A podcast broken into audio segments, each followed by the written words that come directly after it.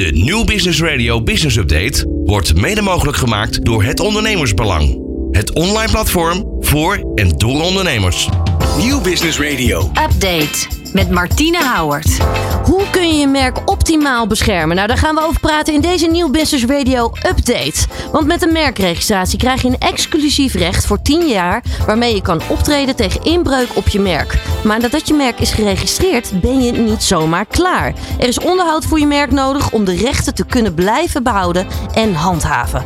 Nou, in deze update gaan we weer heel veel tips en tricks met je delen voor een sterke merkregistratie en bescherming. En dat doen we met een expert op dit gebied, namelijk NLO Shieldmark. Ze zijn het grootste adviesbureau voor het intellectuele eigendom in Nederland en België en een van de meest toonaangevende bureaus in Europa. Ik ben Martine Houwert en mijn gast is Meerte Pardoen.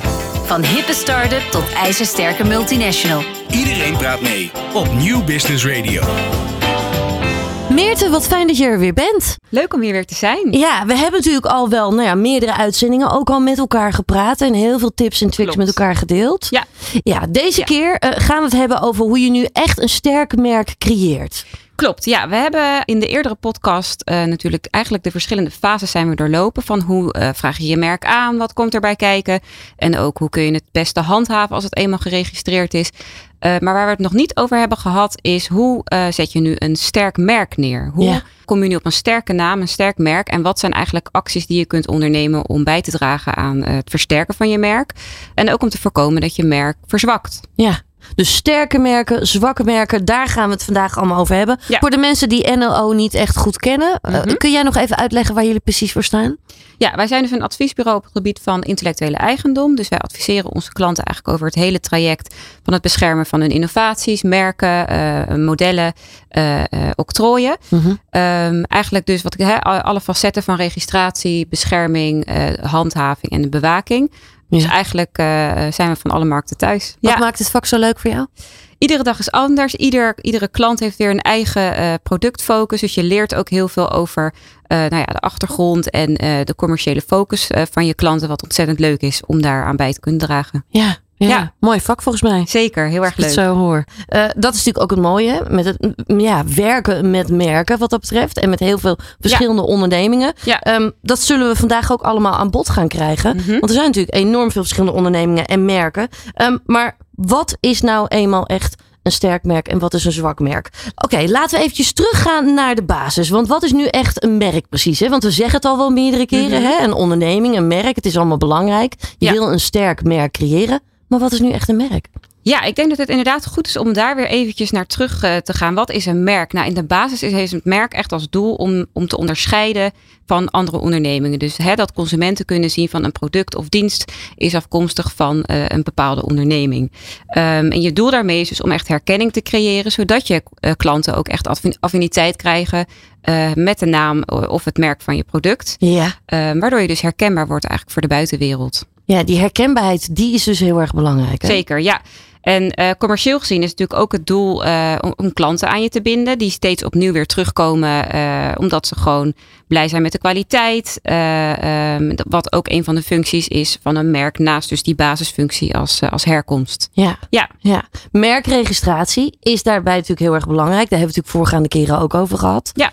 Geldt hierbij natuurlijk ook uiteraard. Ja, dat is eigenlijk de basis. Hè. Met een merkregistratie verkrijg je dus een exclusief recht eh, eh, om dat merk ook echt te kunnen handhaven tegen eh, andere partijen. Ehm, en wat we daarin ook hebben besproken, het belangrijkste is dat een merk moet kunnen onderscheiden in relatie tot de producten en diensten waarvoor je het aanvraagt. Ja. En een van de eisen daarvan is dat het bijvoorbeeld niet beschrijvend mag zijn. Het mag niet iets specifieks zeggen eigenlijk over de producten of diensten die je aanbiedt. Het woord auto kun je dus bijvoorbeeld niet claimen voor auto's. Dat moet gewoon hè, door iedereen in principe vrij gebruikt kunnen worden, commercieel gezien. Ja, en de merkregistratie geeft dus eigenlijk een soort van monopolie. Een tijdelijk monopolie van in eerste instantie 10 jaar, wat je vervolgens weer oneindig eigenlijk kunt eh, verlengen. Voor die afgebakende categorie van producten en diensten. Dus Ja. dat is eigenlijk in een notendop wat een merk is en nou ja, de basics eh, daarvan. Ja, en die juridische basis, die moet dus ook meteen ook goed zijn natuurlijk. Hè? Ook bij die registratie, maar bij alles. Bij alles. Ja, dat is eigenlijk het begin van hè, hoe is het merk geregistreerd en daarmee ook de beschermingsomvang waar je er vervolgens mee kunt. Ja, belangrijke eerste stap.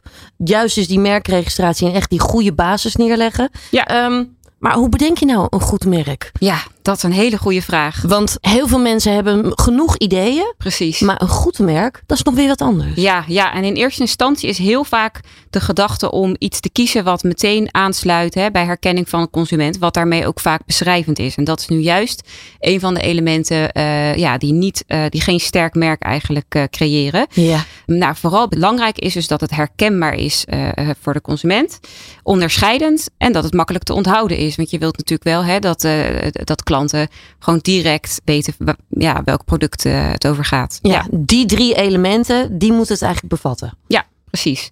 Ja, in de basis is het belangrijk dat je dus echt een uniek en origineel teken kiest, of een originele naam, die ver afstaat van de producten uh, die je aanbiedt. Uh, dus een paar voorbeelden. Uh, Nike, het, het, grote sportmerk. Eigenlijk de basis van het merk is altijd een bepaalde associatie oproept. De betekenis of Nike is eigenlijk de, een Griekse godin van de overwinning. Wat natuurlijk een hele leuke twist is hè, in je merkidentiteit. Een ander leuk voorbeeld is het uh, bekende shampoo-merk André Lon. Je zou het niet meteen denken, maar de achtergrond daarvan is: het is opgericht door André en Lonneke de Jong. En die namen zijn samengevoegd tot één André Lon, wat ja, nu denk ik toch echt wel een herkenbaar merk is in de cosmetica of shampoo branche. Ja, en het ja. staat in principe dus ook weer helemaal los van de shampoos. Ja, exact. Ja. exact. Ja. Ja. ja. Belangrijk onderdeel dus, dus dat dat ook wel echt een, nou ja, een onderscheidende naam heeft. Ja, precies. En uh, dus niet precies vertellen wat je doet. Uh, want daar, hè, de verleiding is groot om je daar dus uh, op te focussen. Uh, neem bijvoorbeeld een, een, een woord AI software. Nou, AI is nu natuurlijk helemaal een uh, gangbare afkorting voor artificial intelligence. Ja. Um, en als je dat gaat gebruiken als merknaam, ja, dat is niet iets waarmee je je echt onderscheidt uh, op de markt. Ja, zo'n fantasiemerk is eigenlijk uh, altijd goed. Ja. ja. En kort en krachtig kan ik me zo voorstellen. Hè? Je wilt iets, iets nou ja, wat heel toegankelijk is, maar inderdaad ook kort en krachtig. Moet ook weer niet te kort zijn. Um, je ziet nu recentelijk bijvoorbeeld Twitter. Hè, die zijn gerebrand naar X of X. Een hele interessante ontwikkeling uh, als je het mij vraagt. Want ze hadden natuurlijk een hele sterke merkidentiteit. Hè, met die uh, ja. blauwe vogel en, en natuurlijk ook de merknaam Twitter. En door die rebranding zijn ze eigenlijk toch wel die sterke merkidentiteit en reputatie een beetje op het spel gaan zetten. Maar goed, een bekend bedrijf als Twitter kan zich dat wellicht wat beter permitteren dan een startende onderneming of een onderneming die niet zo bekend is. Hè? Um, er zijn niet heel veel alternatieven voor een platform zoals uh, Twitter. Nee. Dus uh, de klanten die daar uh, gebruik van maken, die zullen daar toch waarschijnlijk op een gegeven moment wel aan moeten wennen, hè? Aan, die, aan die nieuwe naam. Maar goed, één letter, in principe de beschermingsomvang daarvan is wel beperkt. Het woord, de letter X, hè, wat, wat is het nu helemaal?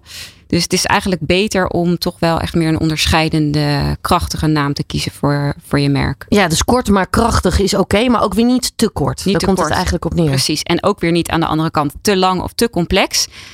Als je uh, een product bijvoorbeeld aanprijst, dan wil je natuurlijk wel dat gewoon ook makkelijk kunnen, kunnen uiten. En niet een hele ingewikkelde naam uh, daarbij uh, hoeven vermelden. Ja, Ja. ja. En onderscheidend. Hè? We, we noemen natuurlijk al drie onderwerpen, hè, wat dat betreft, die heel belangrijk daarbij zijn. Dat onderscheidende vermogen, dat lijkt me zo lastig bij het bedenken Ja. van een nieuwe merknaam wat dat betreft. Ja, dat is eigenlijk wel de uitdaging. Uh, en het is ook heel belangrijk om daar in de beginfase goed, uh, goed bij stil te staan. Nu is het wel zo dat dat onderscheidend vermogen, hè, dat is dynamisch. Dus dat kan ook toenemen en, en uh, afnemen, wat wel heel interessant is. Voorbeeld is als een merk in de basis dus heel beschrijvend is of niet onderscheidend, dan kan dat, doordat het langdurig gebruikt wordt op de markt, alsnog wel uh, voldoende onderscheidend worden. En dat heet dan inburgering. En aan de andere kant kan het onderscheidend vermogen ook afnemen, waardoor de beschermingsomvang juist weer uh, beperkter wordt.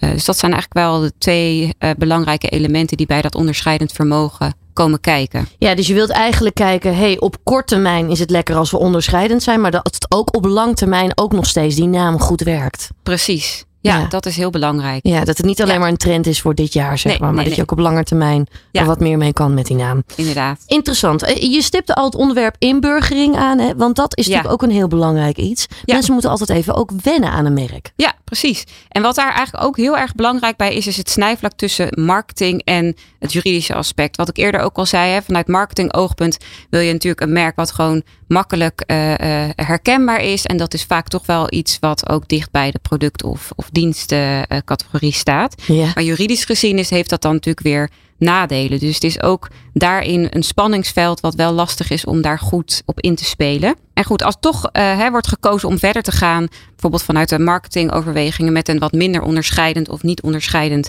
merk, dan kan dit dus, als je het langdurig op de markt gebruikt, inburgeren. Waardoor dus in de, in de basis niet onderscheidend teken dit wel kan worden. En het dus alsnog geschikt kan worden als merk. Ja, dat kan ik me ook wel heel erg goed voorstellen. Ja. Nou ja, en wat mij ook nog wel een ander iets ook nog wel wat belangrijk kan zijn, wat jij misschien ook wel in ervaring ook wel meemaakt, uh, is dat iets, uh, een, een, merknaam bijvoorbeeld je aan het lachen brengt, bijvoorbeeld. Mhm. Of dat je meteen iets voor je ziet. Dus dat je uh, meteen een gevoel erbij krijgt bij een bepaalde naam. Ja, de hele merkbeleving. En, en in hoeverre is het publiek bekend geraakt natuurlijk met die naam. En, en ja, wat daar gewoon belangrijk voor is, is dat een onderneming heel intensief echt daarop hè, marketing op is gericht. Uh, en daar echt wel actief een uh, rol in heeft gespeeld. Ja. Uh, zodat die consument daar die beleving inderdaad hè, bij heeft. En echt denkt van oké, dit is een, een merk als zodanig. Ja, ja. ja. Wat je, zoals juist dat voorbeeld wat je gaf van Twitter. Mm -hmm. iedereen denkt meteen aan het vogeltje. Ja, precies. Meteen. Ja, ja, en dat wil je natuurlijk eigenlijk, hè, dat dat zo sterk in de, in de gedachten van uh, hè, consumenten naar boven komt. Belangrijk iets dus om ook te weten. Mm -hmm. Als we dan nog eventjes verder kijken. Hè, dus en we hebben inburgering zojuist gehad. Hoe bedenk je echt een goede merknaam? Ja. Wat is verder nog meer belangrijk?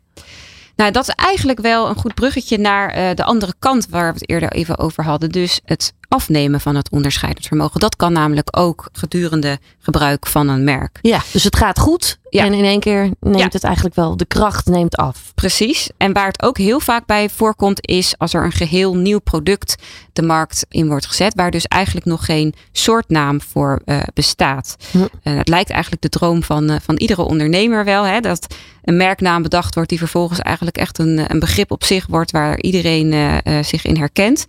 Um, maar in juridische termen wordt dit eigenlijk gezien als merkverwatering. In de basis is het dan een heel onderscheidend merk, maar het is eigenlijk dan een, een soortnaam geworden door hoe het in de markt gebruikt is. Ja. ja. Kun je daar een voorbeeld van geven? Hoe moet dat voor me zien? Bekend voorbeeld is TomTom, het navigatiesysteem. Iedereen waarschijnlijk wel mee, uh, mee bekend. Eigenlijk wordt er dan meestal niet per se gerefereerd naar de echte TomTom van TomTom uh, NV, dat een van de wereldmarktleiders is op het gebied. Maar toch heel vaak als je de auto instapt van nou ja, wil jij de TomTom even aanzetten?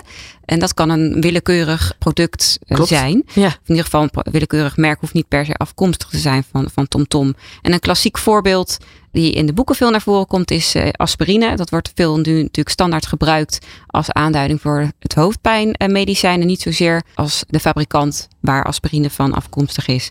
Ja, iets dus wat je eigenlijk wilt voorkomen. Daar komt het eigenlijk wel op neer. Ja, ja precies. Iets wat je eigenlijk wilt voorkomen. En uh, nou ja, er zijn ook echt wel acties waar je zelf uh, als onderneming goed bij stil kunt staan om dat te voorkomen. En een van die aspecten is dus bijvoorbeeld dat je het niet zelf als soortnaam uh, moet gebruiken.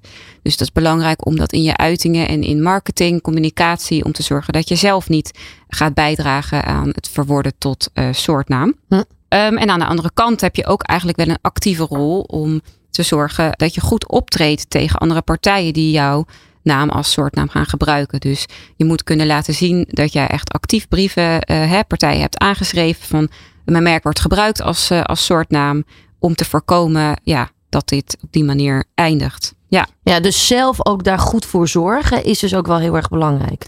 Ja, zelf, iedere keer ja. consequent op de juiste manier ook inzet. Zeker, ja. En ook eigenlijk aan het beginpunt van het, hè, het, het, het creëren van een, uh, van een nieuwe naam. Stel je hebt een hele nieuwe productcategorie waarvan je denkt, nou dit kan nog wel eens booming gaan worden in de markt. Yeah. Dan is het belangrijk dat je een generieke naam gebruikt. Dus echt die als soortaanduiding gebruikt kan worden, ook door andere partijen in de markt. En daarnaast eigenlijk een onderscheidende merknaam om je eigen merkidentiteit goed neer te zetten. Hm. Uh, een voorbeeld daarvan is de heetwaterkraan. En uh, hè, wat een generieke uh, naam is. En de merknaam daarbij is dan koeker. Om te voorkomen dat alle heetwaterkranen als koeker worden aangeduid. En een ander voorbeeld is de bekende stormparaplu van, van Sens. Sense is dan echt hè, de merknaam uh, die daarbij bedacht is. Andere aanbieders uh, die kunnen dan verwijzen naar stormparaplu's en niet een Sense paraplu als het om andere producten gaat. Ja, Helder. Ja. Er komt altijd weer veel bij kijken. Dat is ook wel weer duidelijk. Hè? Juist bij het creëren van een sterk merk. Ja. Wat wil je tot slot nog meegeven aan onze luisteraars? Welke tips vind je nog ja, belangrijk? Ja, misschien inderdaad nog een paar tips eh, tot slot. Het, het belangrijkste is gebruik je merk ook echt als merk. Dus ga het niet beschrijvend gebruiken. Zorg dat je echt die merkidentiteit ook naar buiten goed, eh, eh, goed naar buiten brengt. Mhm. Een voorbeeld is niet eh, het merk als werkwoord gebruiken. Googelen. Daar refereren veel mensen naar van ik ga het even googlen. Nou, het is niet altijd eh, zo dat dan ook echt Google eh, gebruikt wordt. Dus dat kan ervoor zorgen dat je merk eigenlijk verzwakt. Ja. Terwijl Ehm, denk ik, dit is een hele goede. Want ik denk dat heel ja. veel mensen juist denken: nee, dat is juist heel goed. Precies. Ja. Als ik dat dan juist doe. Want Ja, dan want dan- denken mensen iedere keer aan het merk. Ja, ja, ja, en juridisch is dat dan helaas toch niet eh, eh, wat je zou moeten willen. Ja. Een ander voorbeeld is dat je het ook niet als zelfstandig naamwoord moet gebruiken. Tikkie is natuurlijk door eh, ABN AMRO geïntroduceerd als merk. Weten veel mensen misschien niet eens dat het echt hè, van ABN juist afkomstig is. Omdat het nu heel vaak gebruikt wordt van joh, stuur je mij een tikkie. Ongeacht welk betaalplatform of via welk platform je dat betaalverzoek ehm, stuurt. Klopt. Dus eh, ja, dat zijn wel belangrijke dingen in het eh, eh, gebruik in de praktijk. En daar komen we in een volgende podcast nog op terug. Gebruik ook al- altijd het R-tekentje als je merk geregistreerd is bij je merk. Om echt te laten zien dat je merk geregistreerd is en, en beschermd. Ja, ja, daarmee onderscheid je natuurlijk ook weer van de rest. Ja, ja. En geeft een professionele uitstraling Exact. uiteraard ook weer. Zeker. Nou, we zijn weer een heel stuk wijzer geworden, Meerte. Ik wil je heel erg bedanken voor het Ja. delen van al je tips en tricks. En heel graag tot de volgende keer. Dankjewel. Van hippe start-up tot ijzersterke multinational. Iedereen praat mee. Dit is New Business Radio.